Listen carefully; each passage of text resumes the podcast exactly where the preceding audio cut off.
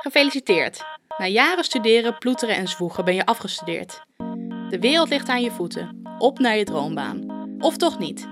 Bij anderen lijkt het vinden van leuk werk altijd heel makkelijk, maar klopt dat beeld eigenlijk wel?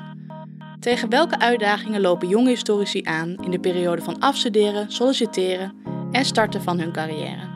Om dat uit te zoeken gaan we in gesprek met vier jonge historici. Zij doen werk waar je misschien niet direct aan denkt bij de studiegeschiedenis. Want niet elke historicus wordt leraar. Wat zijn hun dromen? Nou, de eerste vrouwelijke minister-president van Nederland worden. In welke valkuilen trapten ze? Vond ik wel zoiets van, nou, had ik dat niet gewoon moeten doen.